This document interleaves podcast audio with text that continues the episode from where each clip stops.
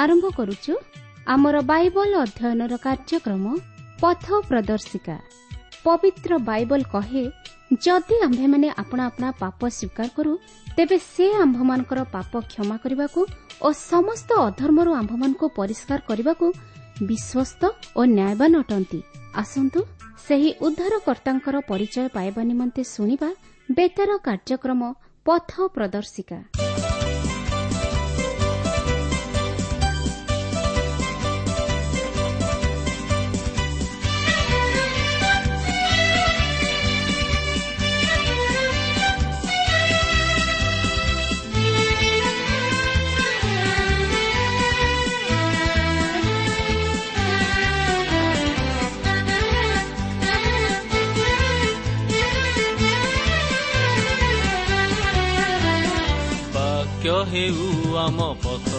दर्शक रुस हे आम स्वप्नु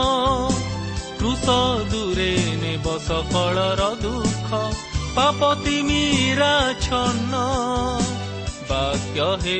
आम पद प्रदर्शक रुस हौ आम स्वप्न दुई नुख पाप तिमी राक्य हे आम पद ପଥ ପ୍ରଦର୍ଶକ କୃଷିୟ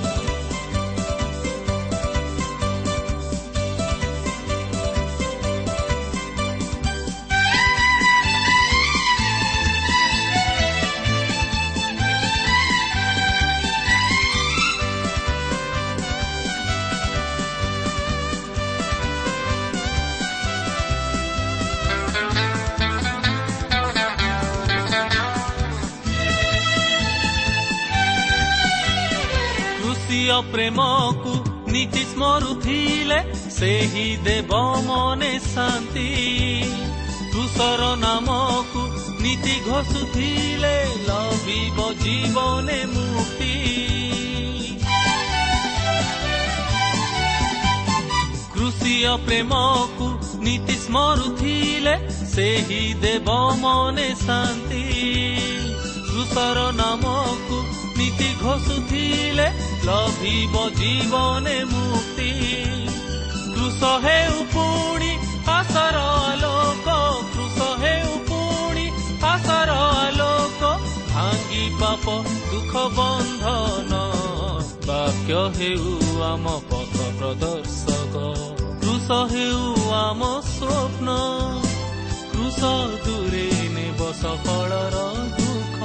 ଆପତି ମୀରା ଛନ୍ନ ବାକ୍ୟ ହେଉ ଆମ ପଥ ପ୍ରଦର୍ଶକ ପ୍ରିୟ ଶ୍ରୋତା ବନ୍ଧୁ ଆଜିର ଏହି ଶୁଭ ଅବସରରେ ଆମମାନଙ୍କର ସୃଷ୍ଟିକର୍ତ୍ତା ତଥା ଉଦ୍ଧାରକର୍ତ୍ତା ପ୍ରଭୁ ଯୀଶୁଖ୍ରୀଷ୍ଟଙ୍କ ବହୁମୂଲ୍ୟ ନାମରେ ଶୁଭେଚ୍ଛା ଜଣାଇ ଆଜିର ଏହି ପଥ ପ୍ରଦର୍ଶିକା କାର୍ଯ୍ୟକ୍ରମର ଅଂଶ ହେବା ନିମନ୍ତେ ଆପଣଙ୍କୁ ସ୍ୱାଗତ ଜଣାଏ ଆପଣଙ୍କର ସହଯୋଗ ତଥା ମତାମତ ନିମନ୍ତେ ବିଶେଷ ଧନ୍ୟବାଦ ଏହି କାର୍ଯ୍ୟକ୍ରମ ଦ୍ୱାରା ଆପଣ ଆତ୍ମିକ ଜୀବନରେ ଉପକୃତ ହୋଇପାରୁଥିବାର ଜାଣି ଆମେ ବିଶେଷ ଖୁସି ପ୍ରଭୁଙ୍କ ନାମକୁ ଧନ୍ୟବାଦ ଦେଉ କେବଳ ସେତିକି ନୁହେଁ ଆପଣଙ୍କର ପ୍ରାର୍ଥନାର ଅନୁରୋଧ ରକ୍ଷା କରି ଆମେ ମଧ୍ୟ ଆପଣଙ୍କ ନିମନ୍ତେ ପ୍ରାର୍ଥନା କରୁଅଛୁ।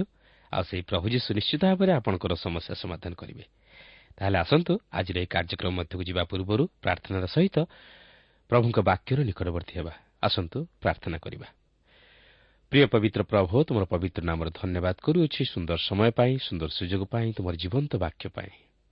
ପବିତ୍ର ପ୍ରଭୁ ତୁମର ବାକ୍ୟ ମଧ୍ୟ ଦେଇ ତୁମେ ଆମମାନଙ୍କ ସହିତ କଥା କୁହ। ତୁମର ପବିତ୍ର ଉପସ୍ଥିତି ଆମମାନଙ୍କୁ ଉପଲବ୍ଧି କରିବା ପାଇଁ ଦିଅ। ପ୍ରତ୍ୟେକ ଶ୍ରୋତାବନ୍ଧୁମାନଙ୍କୁ ପ୍ରଭୁ ତୁମେ ଆଶୀର୍ବାଦ କର। ପ୍ରତ୍ୟେକଙ୍କର ମନସ୍କାମନା ପ୍ରଭୁ ତୁମେ ପୂର୍ଣ୍ଣ କରି ପ୍ରତ୍ୟେକଙ୍କ ଜୀବନ ମଧ୍ୟ ଦେଇ ତୁମେ ଗୌରବାନ୍ୱିତ ହୁଅ। ଏହି ସମସ୍ତ ପ୍ରାର୍ଥନା ପ୍ରିୟ ପ୍ରଭୁ ଯୀଶୁଙ୍କ ନାମରେ ଏହି ଅଳ୍ପ ଭିକ୍ଷା ମାଗୁଅଛୁ।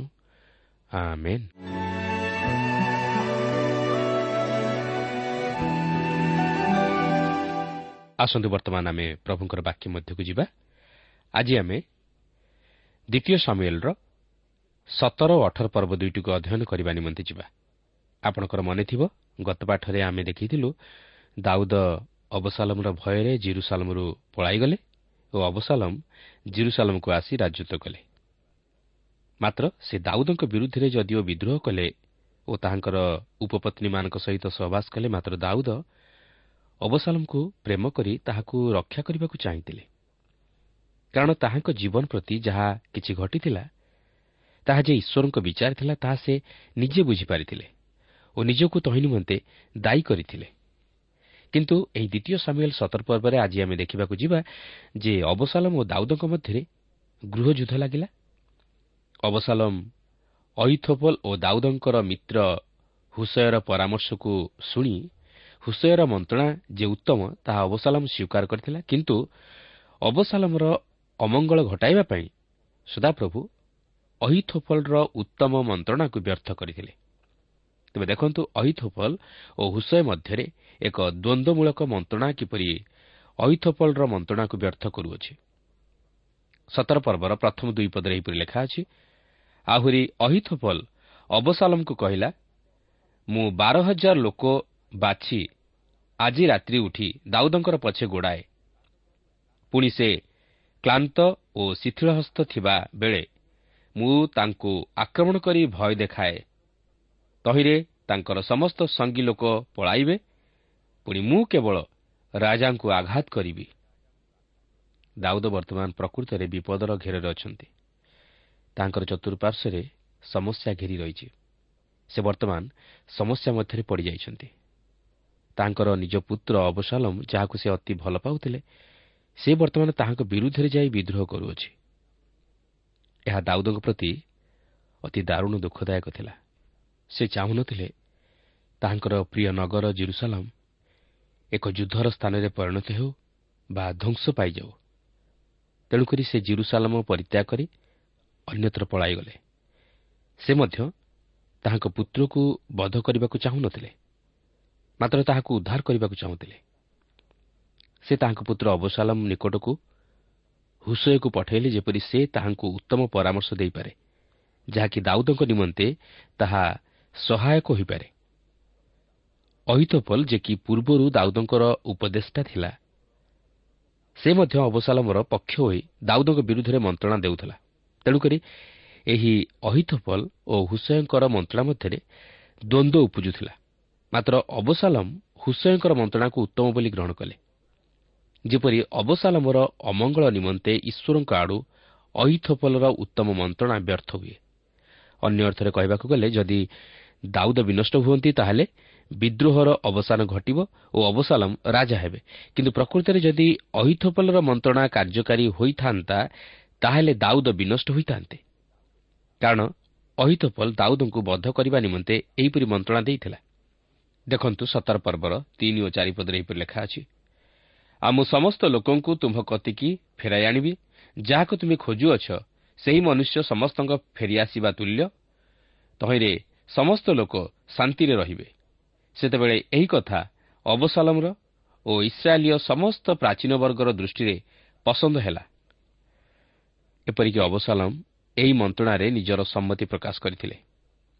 ମାତ୍ର ସେ ତଥାପି ହୁସୟର ମତାମତକୁ ଲୋଡ଼ିଥିଲେ। ସତର ପର୍ବର ପାଞ୍ଚ ଓ ଛଅ ପଦରେ ଆମେ ଦେଖୁ ଯେ ଭଲ ହୋଇଛି ଯେ ହୁସୟ ସେହି ସ୍ଥାନରେ ଉପସ୍ଥିତ ଥିଲେ। କାରଣ ସେ ଏହିପରି ପରିସ୍ଥିତିରେ ଏକ ଭିନ୍ନ କୌଶଳ ପ୍ରୟୋଗ କରୁଅଛନ୍ତି। ସେ ଅବସାଲମକୁ ଯେଉଁ ଉପଦେଶ ଦେଉଛନ୍ତି ତାହା ଅତି ଉତ୍ତମ ଥିଲା କିନ୍ତୁ ଏହା ଦାଉଦଙ୍କ ସପକ୍ଷରେ ଥିଲା। କାରଣ ଦାଉଦ ଏକ ଭୟଙ୍କର ପରିସ୍ଥିତି ମଧ୍ୟ ଦେଇ ଗତି କରୁଥିଲେ। ଓ ସେ ଏଥିରୁ ରକ୍ଷା ପାଇବା ନିମନ୍ତେ ସମୟ ଚାହୁଁଥିଲେ। ତେବେ ଦେଖନ୍ତୁ ହୁସୟ ଏହିପରି ପରାମର୍ଶ ଦିଅନ୍ତି ଯାହାକି ସତର ପର୍ବର ସାତ ପଦରୁ ଦଶ ପଦ ମଧ୍ୟରେ ଲେଖା ଅଛି। ତହିଁରେ ହୁସୟ ଅବସାଲମକୁ କହିଲା ଅହିଥୋପଲ ଯେଉଁ ମନ୍ତ୍ରଣା ଦେଇଅଛି ତାହା ଭଲ ନୁହେଁ। ହୁସୟ ଆହୁରି କହିଲା ଆପଣ ଆପଣା ପିତାଙ୍କୁ ଓ ତାଙ୍କ ଲୋକମାନଙ୍କୁ ଜାଣନ୍ତି। ସେମାନେ ତ ବୀର ଓ କ୍ଷେତ୍ରରେ ଛୁଆହାରା ଭଲ୍ଲୁକି ପରି ସେମାନେ ଉଗ୍ର ହୋଇଥିବେ। ପୁଣି ଆପଣଙ୍କ ପିତା ଯୋଦ୍ଧା ଓ ସେ ରାତ୍ରିରେ ଲୋକମାନଙ୍କ ସଙ୍ଗରେ ରହିବେ ନାହିଁ। ଦେଖନ୍ତୁ ସେ ଏବେ କୌଣସି ଗର୍ତ୍ତରେ କି ଅନ୍ୟ କୌଣସି ସ୍ଥାନରେ ଲୁଚିକରି ଅଛନ୍ତି। ଆଉ ପ୍ରଥମେ ଏମାନଙ୍କ ମଧ୍ୟରୁ କେତେକ ପତିତ ହେଲେ ବୋଲି କେହି ଶୁଣିଲେ କହିବ ଯେ ଅବସାଲମର ଅନୁଗାମୀ ଲୋକମାନଙ୍କ ମଧ୍ୟରେ ସଂହାର ହେଉଅଛି। ତାହେଲେ ଯେଉଁ ବିକ୍ରମଶାଳୀର ହୃଦୟ ସିଂହର ହୃଦୟ ତୁଲ୍ୟ ସେ ମଧ୍ୟ ନିତାନ୍ତ ତରଳିଯିବ। କାରଣ ଆପଣଙ୍କ ପିତା ଯେ ବୀର ଓ ତାଙ୍କ ସଙ୍ଗୀମାନେ ଯେ ବିକ୍ରମଶାଳୀ ଲୋକ ଏହା ସମୁଦାୟ ଇସ୍ରାଏଲ୍ ଜାଣନ୍ତି। ଦେଖନ୍ତୁ ହୁସୟ ଯଦିଓ ଦାଉଦଙ୍କ ସପକ୍ଷରେ ଥାଇ ଅବସାଲମକୁ ମନ୍ତ୍ରଣା ଦେଉଥିଲା ମାତ୍ର ତାହା ତଥାପି ଉତ୍ତମ ମନ୍ତ୍ରଣା ଥିଲା। ତାହାର ପରାମର୍ଶ ଏହିପରି ଥିଲା ଅବସାଲମ ଆପଣ ନିଜେ ଜାଣି ରଖିବା ଉଚିତ ଯେ ଆପଣ ଜଣେ ଯୋଦ୍ଧା ନୁହନ୍ତି କିନ୍ତୁ ଆପଣଙ୍କର ପିତା ଜଣେ ଯୋଦ୍ଧା। ସମସ୍ତ ସ୍ଥାନ ବିଷୟରେ ତାଙ୍କର ଧାରଣା ଅଛି। କେଉଁଠି କିପରି ନିଜକୁ ଲୁଚାଇବାକୁ ହୁଏ ବା ଯୁଦ୍ଧ କରିବାକୁ ହୁଏ ତାହା ସେ ଜାଣନ୍ତି। ତାଙ୍କର ମଧ୍ୟ ଅନେକ ବଳିଷ୍ଠ ଯୋଦ୍ଧାମାନେ ଅଛନ୍ତି।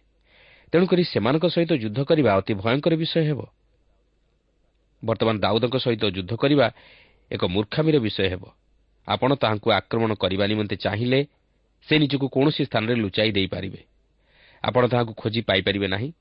ଯଦି ଆପଣ ତାହାଙ୍କର ଲୋକମାନଙ୍କ ମଧ୍ୟକୁ ଯାଇ ତାହାଙ୍କୁ ପାଇଲେ ନାହିଁ ତାହେଲେ ସଙ୍ଗେ ସଙ୍ଗେ ପ୍ରଚାର ହୋଇଯିବ ଯେ ଆପଣ ଯୁଦ୍ଧରେ ପରାଜିତ ହେଲେ ଏବଂ ଯେଉଁ ଲୋକମାନେ ଆପଣଙ୍କୁ ସାହାଯ୍ୟ କରିବା ନିମନ୍ତେ ଆପଣଙ୍କ ସହ ଯୋଗ ଦେଇଛନ୍ତି ସେମାନେ ମଧ୍ୟ ଆପଣଙ୍କୁ ଛାଡ଼ି ପଳାଇଯିବେ ଦେଖନ୍ତୁ ହୁସୟ ବର୍ତ୍ତମାନ ଅହିଥୋଫଲର ମନ୍ତ୍ରଣାରେ ଭୁଲ ଦର୍ଶାଇ ସେ ଅବସାଲମକୁ ଆଉ ଏକ କୌଶଳ ବତାଉଛନ୍ତି।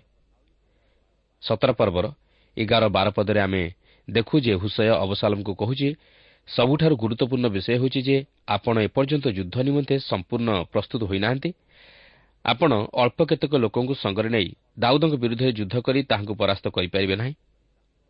ଆପଣଙ୍କୁ ଏହା କରିବାକୁ ହେବ ଯେ ଆପଣ ସମସ୍ତ ଇସ୍ରାଏଲ୍ ଲୋକଙ୍କୁ ଯୁଦ୍ଧ ନିମନ୍ତେ ଏକତ୍ରିତ କରନ୍ତୁ ଓ ଆପଣ ନିଜେ ଯୁଦ୍ଧ କରିବାକୁ ଯାଆନ୍ତୁ। କାରଣ ଆପଣଙ୍କର ପିତା ଦାଉଦ ସେହିପରି କୌଶଳ ଅବଲମ୍ବନ କରି ନିଜେ ଯୁଦ୍ଧ କରିବାକୁ ଯାଇ ଜୟୀ ହେଉଥିଲେ। ଓ ସେ ରାଜସିଂହାସନର ଅଧିକାରୀ ହେଲେ। ତେଣୁ ଅଧିକ ସଂଖ୍ୟକ ଲୋକଙ୍କୁ ଯୁଦ୍ଧ ନିମନ୍ତେ ପ୍ରସ୍ତୁତ କରିବା ଦ୍ୱାରା ଆମେ ସେମାନଙ୍କ ଉପରେ ଜୟୀ ହୋଇପାରିବା। ତେବେ ହୁସୟଙ୍କର ପରାମର୍ଶ ଉତ୍ତମ ଥିଲା। ମାତ୍ର ଏହା ଅବସାଲମ ନିମନ୍ତେ କୌଣସି ଫଳପ୍ରଦଜନକ ହୋଇନଥିଲା। ମାତ୍ର ଏହା ଦାଉଦଙ୍କର ପ୍ରତି ଫଳପ୍ରଦଜନକ ଥିଲା। ଏହା ଦାଉଦଙ୍କୁ ପ୍ରସ୍ତୁତ ରହିବା ନିମନ୍ତେ ଓ ସତର୍କତା ଅବଲମ୍ବନ କରିବା ନିମନ୍ତେ ସମୟ ଦେଇଥିଲା। ବର୍ତ୍ତମାନ ଅବସାଲମ ଓ ଇସ୍ରାଏଲ୍ ସନ୍ତାନଗଣ ହୁସୟର ମନ୍ତ୍ରଣାକୁ ଗ୍ରହଣ କରିନେଲେ ଓ ସେମାନଙ୍କ ଦୃଷ୍ଟିରେ ଏହା ଉତ୍ତମ ବୋଧ ହେଲା। ଯେହେତୁ ଅବସାଲମ ପ୍ରତି ଅମଙ୍ଗଳ ଘଟାଇବା ନିମନ୍ତେ ଏହା ଈଶ୍ୱରଙ୍କ ଆଡ଼ୁ ଘଟିଥିଲା। ସତର ପର୍ବର ଚଉଦ ପଦରେ ଆମେ ଦେଖୁ ଯେ ଈଶ୍ୱର ଯେ ଦାଉଦଙ୍କ ପକ୍ଷରେ ରହି ଦାଉଦଙ୍କୁ ରକ୍ଷା କରିବା ନିମନ୍ତେ ଅହିଥପଲର ଉତ୍ତମ ମନ୍ତ୍ରଣାକୁ ବ୍ୟର୍ଥ କରିଥିଲେ ତାହା ଏଥିରୁ ସ୍ପଷ୍ଟ ଅନୁମିତ ହୁଏ। ବାସ୍ତବରେ ଈଶ୍ୱର ଯାହାର ସପକ୍ଷ ମନୁଷ୍ୟ ତାହାର କ'ଣ କରିପାରେ? ଏହାପରେ ଆମେ ଦେଖୁ ଯେ ହୁସୟ ଅହିମାସ ଓ ଜୋନାଥନଙ୍କ ହସ୍ତରେ ଦାଉଦଙ୍କ ନିକଟକୁ ସମ୍ବାଦ ପ୍ରେରଣ କରି ତାହାଙ୍କୁ ସତର୍କ କରାଇ ଦିଅନ୍ତି ଯେପରି ଅବସାଲମ ଦାଉଦଙ୍କୁ ବଦ୍ଧ କରିବା ନିମନ୍ତେ ସୁଯୋଗ ନ ପାଏ। ଏହାପରେ ସତର ପର୍ବର ବାଇଶ ପଦରେ ଆମେ ଦେଖୁ ଯେ ଦାଉଦ ଓ ତାଙ୍କର ସଙ୍ଗୀଗଣ ହୁସୟଠାରୁ ସମ୍ବାଦ ପାଇବା କ୍ଷଣେ ଜର୍ଦ୍ଦନ ପାର ହୋଇ ଚାଲିଗଲେ। ମାତ୍ର ଅହିଥୋପଲ ଆପଣାର ଚକ୍ରାନ୍ତ ସଫଳ ନ ହେବାର ଜାଣି ସେ ନିଜକୁ ନିଜେ ଫାଶୀ ଦେଲା ଓ ମଲା। କାରଣ ସେ ଅତି ଗର୍ବୀ ଥିଲା ଓ ଜଣେ ମହାନ ଉପଦେଷ୍ଟା ଥିଲା। କିନ୍ତୁ ତାହାର ମନ୍ତ୍ରଣା କାର୍ଯ୍ୟକାରୀ ନ ହେବାର ଜାଣି ସେ ନିଜର ଦୁର୍ନାମକୁ ଆଶଙ୍କା କରି ଏହିପରି ଆତ୍ମହତ୍ୟା କଲା। ମାତ୍ର ଇତିମଧ୍ୟରେ ଅବସାଲମ ଏକ ବିରାଟ ସୈନ୍ୟଶ୍ରେଣୀ ପ୍ରସ୍ତୁତ କରି ଦାଉଦଙ୍କର ପଛରେ ଗୋଡ଼ାଇଲେ। ସତର ପର୍ବର ଚବିଶରୁ ଛବିଶ ପଦ ମଧ୍ୟରେ ଆମେ ଦେଖୁ ଯେ ଦାଉଦ ଦୀର୍ଘଦିନ ପର୍ଯ୍ୟନ୍ତ ଶତ୍ରୁ ହସ୍ତରୁ ନିଜର ଜୀବନକୁ ରକ୍ଷା କରିବା ନିମନ୍ତେ ପଳାଉଥିଲେ। କିନ୍ତୁ ଏହି ଘଟଣାରେ ଆମେ ଲକ୍ଷ୍ୟ କରୁଛୁ ଯେ ଏହା ତାହାଙ୍କର ପାପ ନିମନ୍ତେ ଘଟିଥିଲା। ଦାଉଦ ବର୍ତ୍ତମାନ ଅତି ଜଟିଳ ପରିସ୍ଥିତି ମଧ୍ୟରେ ଅଛନ୍ତି। ସେ ଜିରୁସାଲାମରୁ ବାହାରି ଆସିଲେ ଓ ତାଙ୍କର ସଙ୍ଗୀମାନେ ମଧ୍ୟ ତାହାଙ୍କ ସହିତ ବିନା ପ୍ରସ୍ତୁତିରେ ବାହାରି ଆସିଲେ। ସତର ପର୍ବର ସତେଇଶରୁ ଅଣତିରିଶ ପଦରେ ଆମେ ଦେଖୁ ଯେ ଈଶ୍ୱର କେଉଁପରି ଭାବେ ଦାଉଦଙ୍କୁ ସାହାଯ୍ୟ କରୁଛନ୍ତି। ଅନେକ ଲୋକମାନେ ଦାଉଦଙ୍କୁ ଓ ତାହାଙ୍କର ସଙ୍ଗୀମାନଙ୍କୁ ସାହାଯ୍ୟର ହସ୍ତ ବଢ଼ାଇବାର ଦାଉଦ ଲକ୍ଷ୍ୟ କରିପାରୁଛନ୍ତି। କାରଣ ସେମାନେ ଜାଣିଥିଲେ ଯେ ଦାଉଦ ବାସ୍ତବରେ ଏକ ମହାନ ଯୁଦ୍ଧବୀର ଓ ସେମାନେ ଜାଣିଥିଲେ ଯେ ଦାଉଦ କି ପ୍ରକାର ରାଜା। ସମ୍ଭବତଃ ଏହି ସମସ୍ତ ରାଜ୍ୟର ଶାସକମାନେ ଅବସାଲମ ଉପରେ ସେତେଦୂର ବିଶ୍ୱାସ କରୁନଥିଲେ। କାରଣ ସେମାନେ ତାହାର ଧୂର୍ତ୍ତତା ଓ କୁଟିଳାଚରଣ ସମ୍ବନ୍ଧରେ ଜାଣିଥିଲେ। ତେଣୁକରି ସେମାନେ ଅବସାଲମ ଉପରେ ଭରସା କରିପାରୁନଥିଲେ।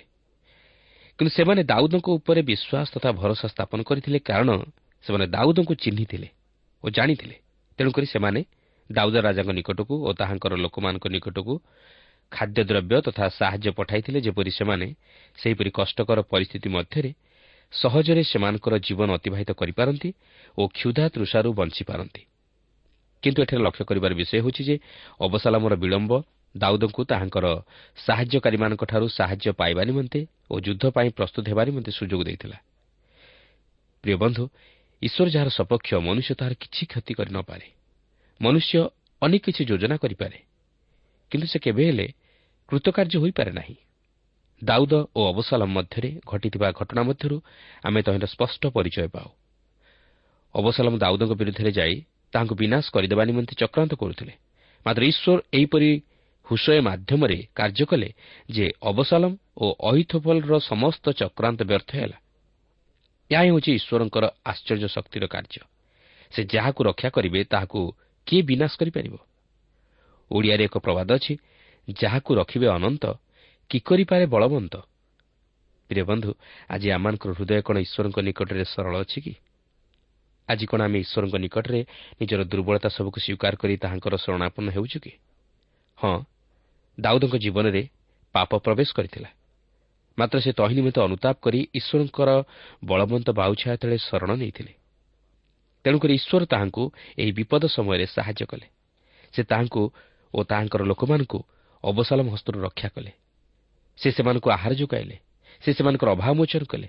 ଏପରିକି ଅନ୍ୟ ଲୋକମାନଙ୍କ ଦ୍ୱାରା ସେ ସେମାନଙ୍କୁ ଖାଦ୍ୟଦ୍ରବ୍ୟ ଯୋଗାଇଲେ। ବାସ୍ତବରେ ଈଶ୍ୱର ମହାନ। ସେ ଯଦିଓ ପାପକୁ ଘୃଣା କରନ୍ତି ମାତ୍ର ପାପିକୁ ପ୍ରେମ କରନ୍ତି। ଯେତେବେଳେ ପାପି ନିଜର ପାପ ନିମନ୍ତେ ଅନୁତାପ କରି ପ୍ରଭୁ ଯୀଶୁଖ୍ରୀଷ୍ଟଙ୍କଠାରେ ତାହା ସ୍ୱୀକାର କରେ ଓ ତାହାଙ୍କଠାରେ ବିଶ୍ୱାସ କରି ତାହାଙ୍କୁ ନିଜର ବ୍ୟକ୍ତିଗତ ଉଦ୍ଧାରକର୍ତ୍ତା ରୂପେ ଗ୍ରହଣ କରେ ସେତେବେଳେ ସେ ତାହାକୁ କୌଣସି ପ୍ରକାରେ ଦୂରେଇ ଦିଅନ୍ତି ନାହିଁ। ମାତ୍ର ତାହାଙ୍କର ସନ୍ତାନ ରୂପେ ଗ୍ରହଣ କରି ତାହାର ଯତ୍ନ ତତ୍ତ୍ୱ ନିଅନ୍ତି। ସେ ତାହାର ସମସ୍ତ ଭାର ନିଅନ୍ତି। ସେ ତାହାକୁ ସୁରକ୍ଷା ପ୍ରଦାନ କରନ୍ତି।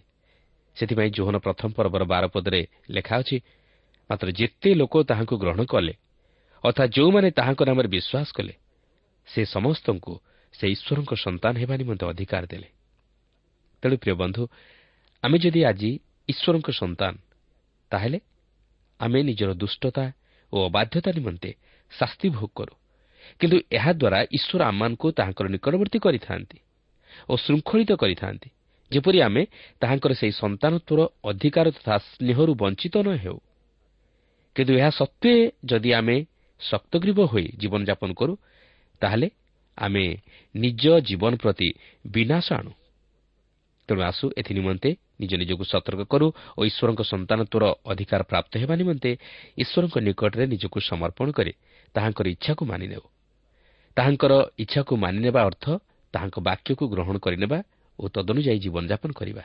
ତାହେଲେ ଆମେ ଈଶ୍ୱରଙ୍କର ମହତ ଇଚ୍ଛା ଓ ଅଭିମତକୁ ସଫଳ କରିବା ସଙ୍ଗେ ସଙ୍ଗେ ତାଙ୍କର ସନ୍ତାନତ୍ୱର ଅଧିକାରୀ ହୋଇପାରିବା।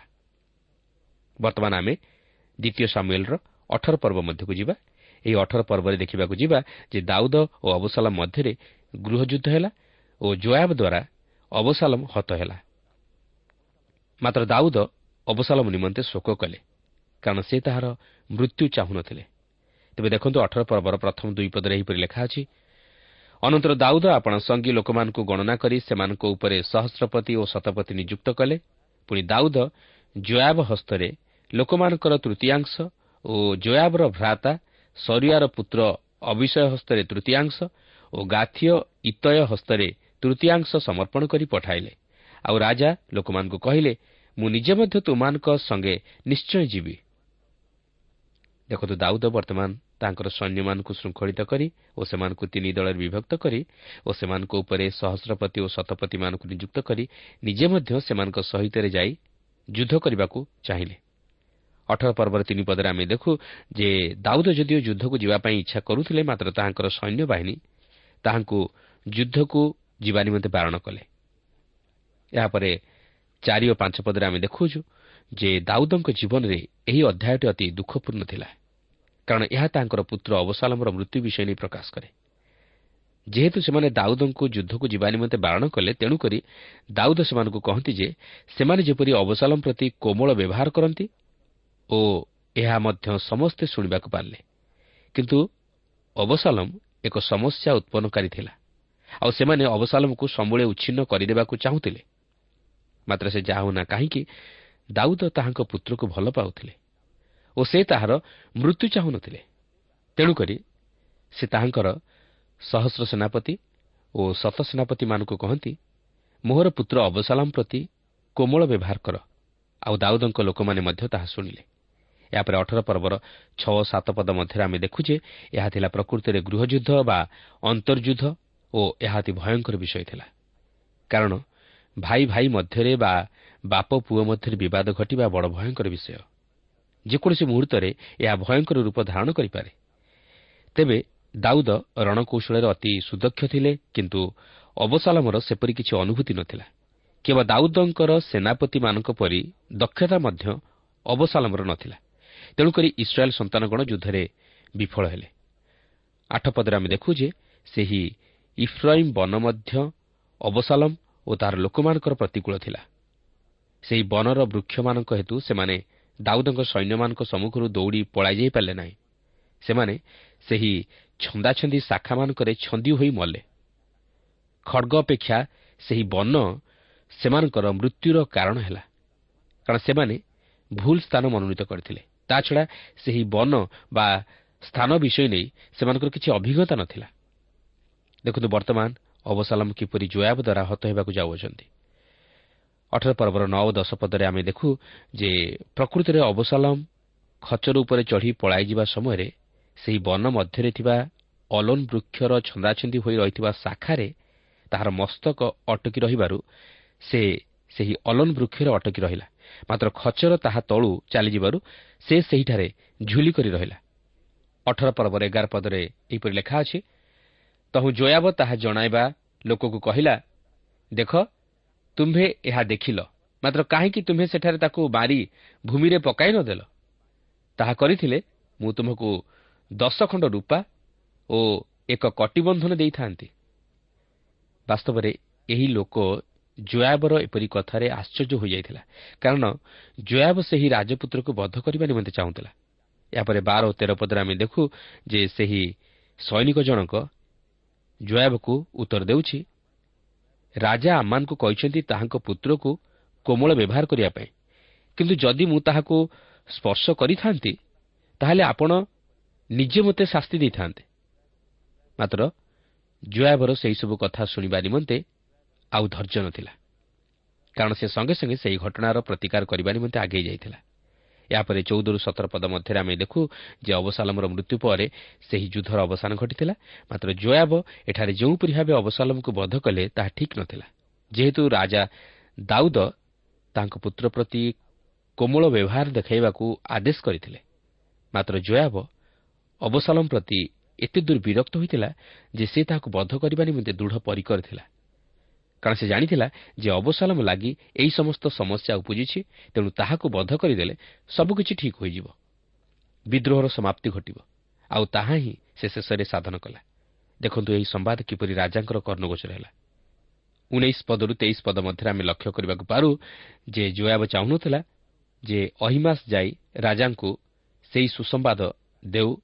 ଯେହେତୁ ରାଜାଙ୍କୁ ତହିଁର ପ୍ରକୃତ କାରଣ ଦର୍ଶାଇବା ପାଇଁ ତାହା ନିକଟରେ ଆବଶ୍ୟକୀୟ ସୂଚନା କିଛି ନଥିଲା। ତେବେ ତେଇଶ ଓ ଚବିଶ ପଦରେ ଆମେ ଦେଖୁ ଯେ ଦାଉଦ ସେହି ନଗର ଦ୍ୱାରରେ ଅତି ଆଗ୍ରହର ସହିତ ଯୁଦ୍ଧର ସମ୍ବାଦ ପାଇବା ନିମନ୍ତେ ଅପେକ୍ଷା କରି ବସିଅଛନ୍ତି କିନ୍ତୁ ବର୍ତ୍ତମାନ ସେ ସେହି ବିଜୟର ସମ୍ବାଦ ମଧ୍ୟରେ ଏକ ହୃଦୟ ବିଦାରକ ସମ୍ବାଦ ଶୁଣିବାକୁ ଯାଉଛନ୍ତି। ପଚିଶରୁ ଅଣତିରିଶ ପଦରେ ଆମେ ଦେଖୁ ଯେ ଦାଉଦ ଅହିମାସକୁ ଗୋଟିଏ ପ୍ରଶ୍ନ କରନ୍ତି ସେ ଯୁବା ଲୋକ ଅବସାଲମର ମଙ୍ଗଳ? ଅର୍ଥାତ୍ ଅବସାଲମ ପ୍ରତି କିଛି ଅମଙ୍ଗଳ ଘଟିନାହିଁ ତ? କିନ୍ତୁ ଅହିମାସ ନିକଟରେ ସେହି ସମସ୍ତ ଘଟଣାର ଆବଶ୍ୟକୀୟ ସୂଚନା କିଛି ନଥିଲା ସେ ଜାଣିନଥିଲା ଯେ ଅବସାଲମ ଯୁଦ୍ଧରେ ହତ ହୋଇଅଛି ପ୍ରିୟ ବନ୍ଧୁ ଆଜି ମଧ୍ୟ ଅନେକ ସେହିପରି ସମ୍ବାଦ ବାହକ ଅଛନ୍ତି ଯେଉଁମାନେ ବୁଲି ବୁଲି ସମସ୍ତ ମନୁଷ୍ୟ ଜାତିର ପରିବାର ମଧ୍ୟରେ ପ୍ରଚାର କରି କହନ୍ତି ଈଶ୍ୱର କହନ୍ତି ସବୁକିଛି ଉତ୍ତମ ମାତ୍ର ସମସ୍ତେ ଉତ୍ତମ ନୁହନ୍ତି ମନୁଷ୍ୟ ହେଉଛି ପାପି ତାହା ନିମନ୍ତେ ଜଣେ ଉଦ୍ଧାରକର୍ତ୍ତା ଆବଶ୍ୟକ ମନୁଷ୍ୟ ଜାଣିବାକୁ ଅଛି ଯେ ଈଶ୍ୱରଙ୍କ ପୁତ୍ର ତାହା ନିମନ୍ତେ କୃଷରେ ମୃତ୍ୟୁଭୋଗ କରିଅଛନ୍ତି ସେ ମନୁଷ୍ୟର ଉଦ୍ଧାର ନିମନ୍ତେ ତାହାଙ୍କର ସେହି ପବିତ୍ର ରକ୍ତ କୃଷରେ ଝରାଇଛନ୍ତି। ମନୁଷ୍ୟ ଆଜି ନିଜର ପାପରୁ ଫେରି ଆତ୍ମିକ ଜୀବନରେ ଏକ ନୂତନ ଜୀବନ ଲାଭ କରିବାକୁ ଅଛି। ତାହେଲେ ଈଶ୍ୱରଙ୍କ ମହତ ଅଭିମତକୁ ସେ ସଫଳ କରିପାରିବ। ଦାଉଦ ଯେଉଁ ସମ୍ବାଦକୁ ଅପେକ୍ଷା କରୁଥିଲେ ବା ଜାଣିବାକୁ ଚାହୁଁଥିଲେ ଅହିମାସ ନିକଟରେ ସେହି ସମ୍ବାଦ ନଥିଲା। ଆଜି ଅନେକ ସେହି ସୁସମ୍ବାଦ କ'ଣ ତାହା ପ୍ରକୃତରେ ଜାଣନ୍ତି ନାହିଁ। ମାତ୍ର ସେମାନେ ସୁସମ୍ବାଦ ପ୍ରଚାର କରିବାକୁ ଆଗେଇ ଯାଆନ୍ତି। କିନ୍ତୁ ସେହି ସୁସମ୍ବାଦର ପ୍ରକୃତ ଅର୍ଥ ବୁଝାଇବା ନିମନ୍ତେ ସକ୍ଷମ ନୁହନ୍ତି କି ସେହି ସୁସମ୍ବାଦ ମଧ୍ୟରେ ରହିଥିବା ଗଭୀର ବିଷୟକୁ ନିଜେ ମଧ୍ୟ ବୁଝିପାରନ୍ତି ନାହିଁ।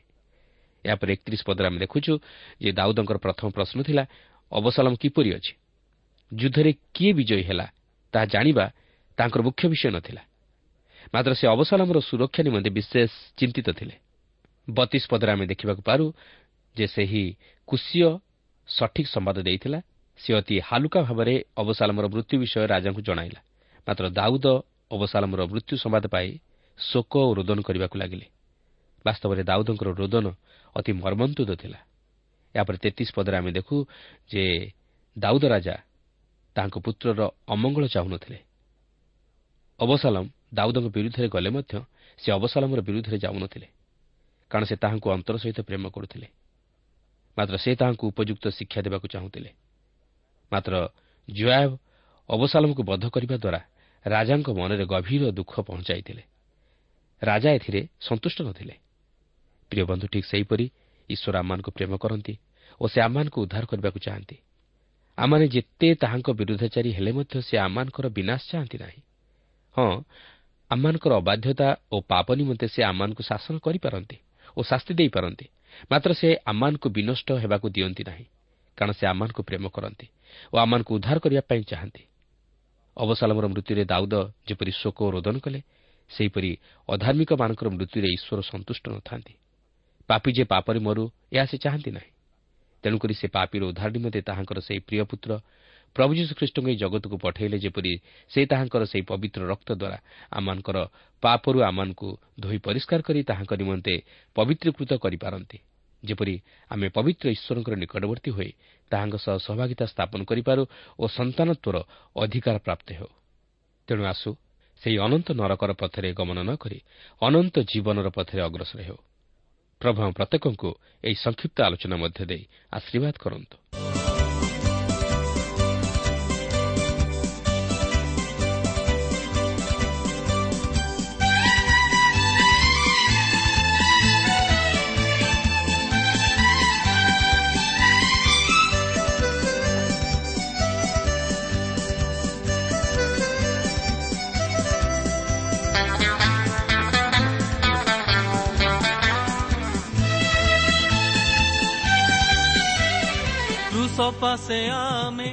ପ୍ରିୟ ଶ୍ରୋତା ଏହି କାର୍ଯ୍ୟକ୍ରମ ଶୁଣିଥିବାରୁ ଆପଣଙ୍କୁ ଅଶେଷ ଧନ୍ୟବାଦ।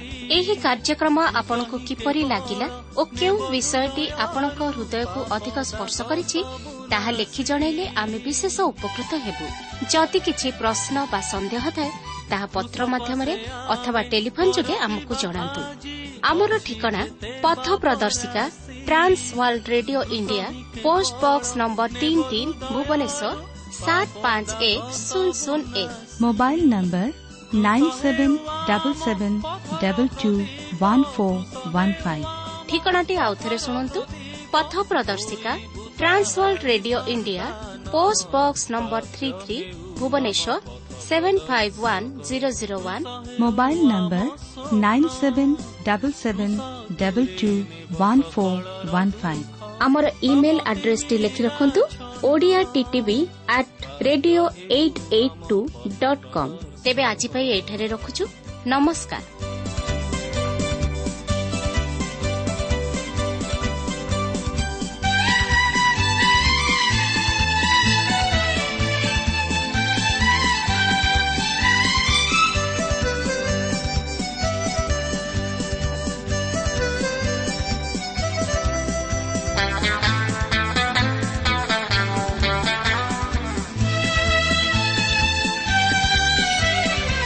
ସପାସେ ଆମେ ଅରପିବା ଆଜି ଅଛି ଯେତେ ପାପରାଶି କୃଷ ହିଁ କେବଳ ନେବ ହୃଦୟରୁ ପାପ ଦାଗ ସବୁ ନାଶି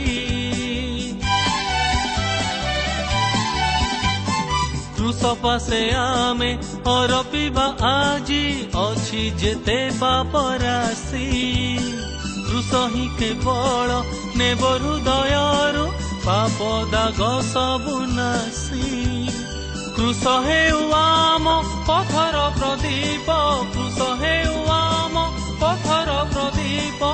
ହୋଇ ତାହାରି ସନ୍ତାନ ବାକ୍ୟ ହେଉ